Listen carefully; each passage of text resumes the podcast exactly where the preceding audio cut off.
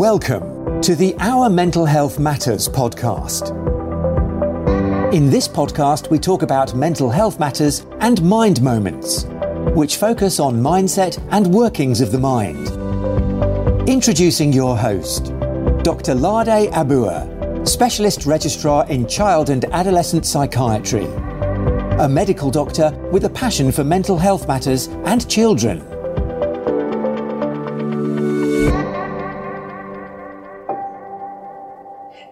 Shankman. Welcome to another episode of Faster Than Normal. Apologies in advance for my ridiculous sounding voice. I've been fighting a cold for about a week now, and it shows no signs of going away, and it, it just gives it this oh so sexy, uh, deep sounding, uh, raspy voice. I, I sound like um, Kim Basinger on a bad day. So thank you for joining us. As always, I'm thrilled that you guys are here. We are going across the pond today. We are speaking to Dr. Lade Ab- Lade Abdullah, who is a specialist registrar, which is another word for doctor, in child and adolescent psychiatry in the UK. She's a medical doctor with a passion for children and mental health. She's the host of the Mental Health Matters podcast in the UK. My favorite part is she's a member of the Royal College of Psychiatry in the United Kingdom. She loves speaking, writing, and reading. Welcome, Dr. Abdullah. Thank you so much for taking the time to join us today on Faster Than Normal. Thank you, Peter, for having me. So, let's start off with a couple of questions. Um, what do you see as some of the biggest differences between how ADHD is looked at in the UK or in all of Europe versus in America? I think the main differences uh, have to do with the diagnosis. Um, I think for America, you guys use uh, the DSM, what we call the DSM 5. Correct. Yes. Uh, and the, in the UK, we tend to use the ICD 10, which is uh, the International Classification for Diseases, um, which is done by the World Health Organization. So we tend to use more of that with uh, diagnosis of ADHD. What does that mean in terms of treatment? In terms of treatment, it's the same essentially. There's not much difference in terms of treatment. It's the same um, modules we use: behavioral management, medication as last resort, of course. Uh, so the treatment is essentially the same.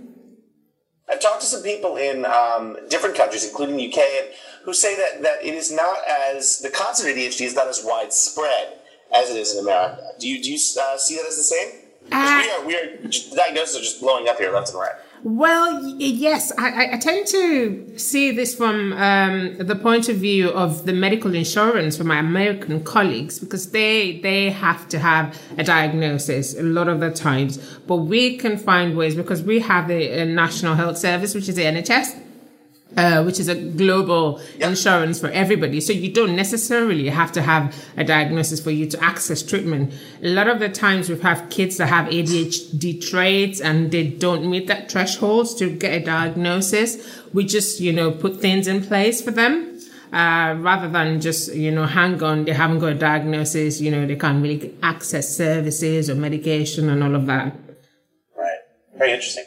How did you um, wind up doing what you're doing? What, what prompted you to get into uh, child psychology? Well, I, I started off with medicine. I always wanted to do pediatrics. Um, and then uh, along the line, I started pediatrics. I got into geriatrics. I'd always loved mental health from uh, medical school.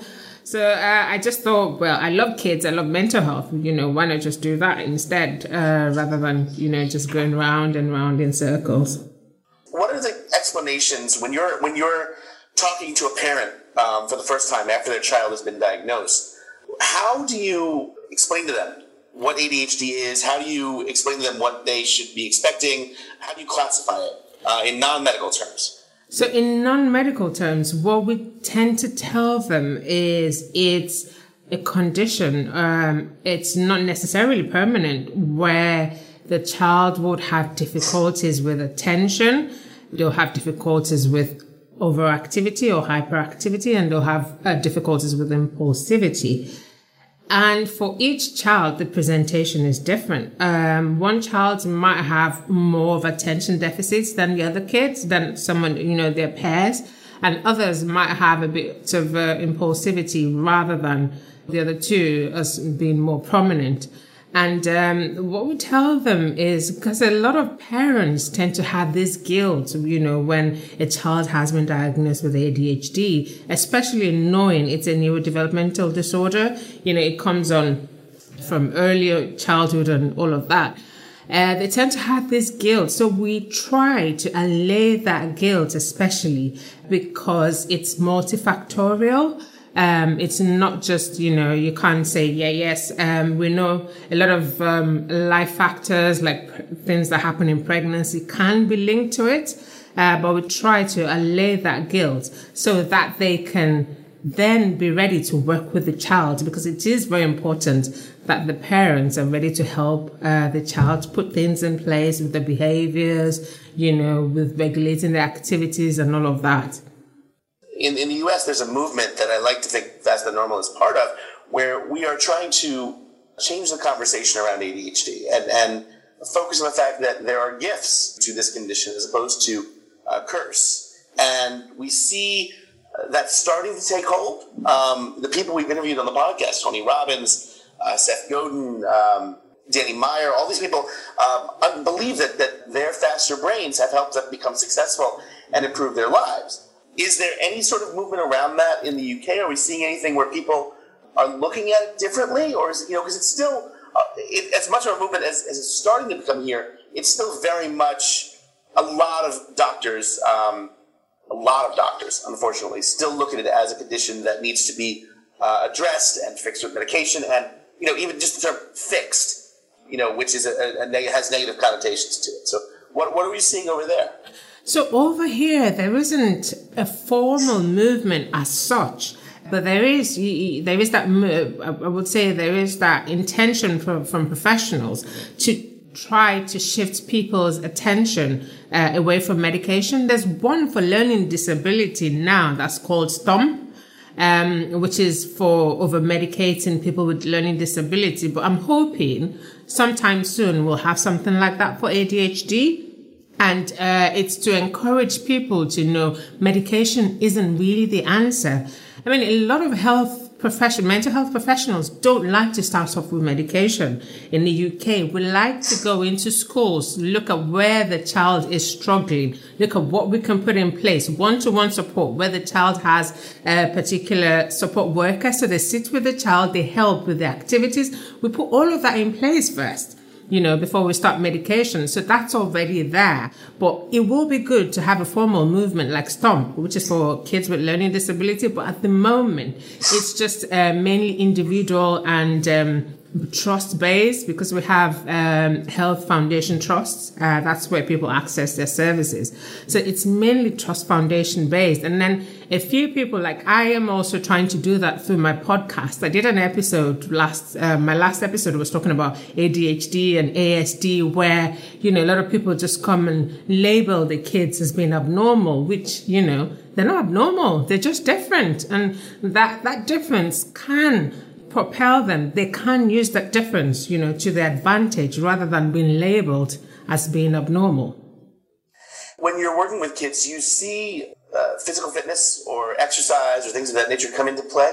Yes, it, it, does. It does come into play. And, and there are times we also advise uh, parents to do um, activities like taking the children on trampoline like if we have a, a, child that has difficulty concentrating at home with homework, we just tell the parent, you know, give a particular uh, routine or schedule where the child stays for 15 minutes, takes a break, goes on the trampoline, comes back, you know, or right. goes for a walk, goes for a walk around the school and then comes back to his, you know, his academic work. So we do try to encourage that. And how are the um, schools which would be a very interesting point about the schools. Are the schools more adaptable? Are they more willing to allow the kids to take those 15 minutes to do things like that? Mm-hmm. Um, are you seeing more of that? Yes. So what we have, we have mainstream schools and then we have special needs schools.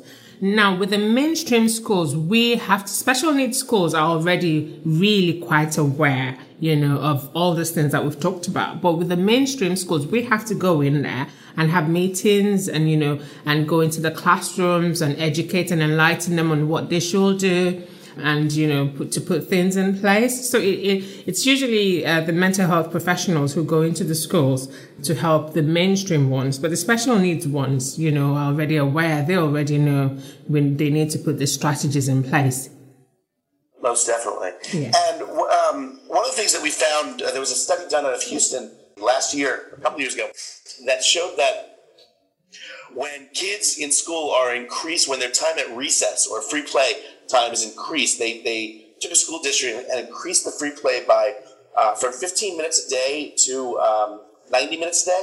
Yes. And they saw a ridiculous increase in attention, Yes. increase in focus, Yes. and uh, a decrease in outbursts by the boys, an increase in uh, girls um, acting, uh, getting involved more in the uh, in the curriculum, Yes. as opposed to staying silent. Has there been anything along those lines in, in the UK as well?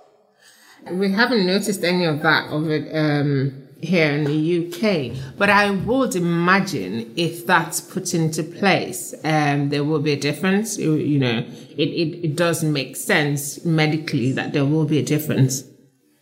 Is the NHS looking at um, ADHD any differently than they did, say, five years ago? Well, yes, there's a lot more awareness now, and there's uh, less stigma attached to ADHD as um, it was before. And we're, we're obviously getting a bit more diagnosis now because people are more aware. They, you know, bring their child to the mental health professionals. They take their child to the GPs, which is a family uh, practitioner over there um, you know, to have you know, to have them seen and you know assessed in schools or in clinics um, or wherever they, they need to be. Definitely. Um, how can people reach you if they want to find out more, uh, if they find themselves in the UK or they want to talk to you? What's do you have a website or uh, Twitter, Instagram, Facebook? Yes, so I um I have a, a page for our Mental Health Matters podcast on Facebook. Uh, it's called our Mental Health Matters podcast, and I am also on Twitter at Omolade Amaka. So that's O M O L A D E A M A K A. But if you search for our Mental Health Matters on, on Twitter, it should come up. Excellent, excellent. Well, we very much appreciate you taking the time, uh, Leda Abua. Thank you so much, Doctor. And uh, guys, as always, once more time, apologies for the voice, but you've been listening to the Faster Than Normal podcast. If you like what you heard, find where you heard us and leave us a review. We greatly appreciate it. We'll see you next week, like we do every week. I just want you to remember, ADHD is a gift, not a curse. We'll see you next week. Thanks for listening to the Our Mental Health Matters podcast. You can follow me on Twitter at Omoladeamaka. Until next time, empower your mind, empower your life.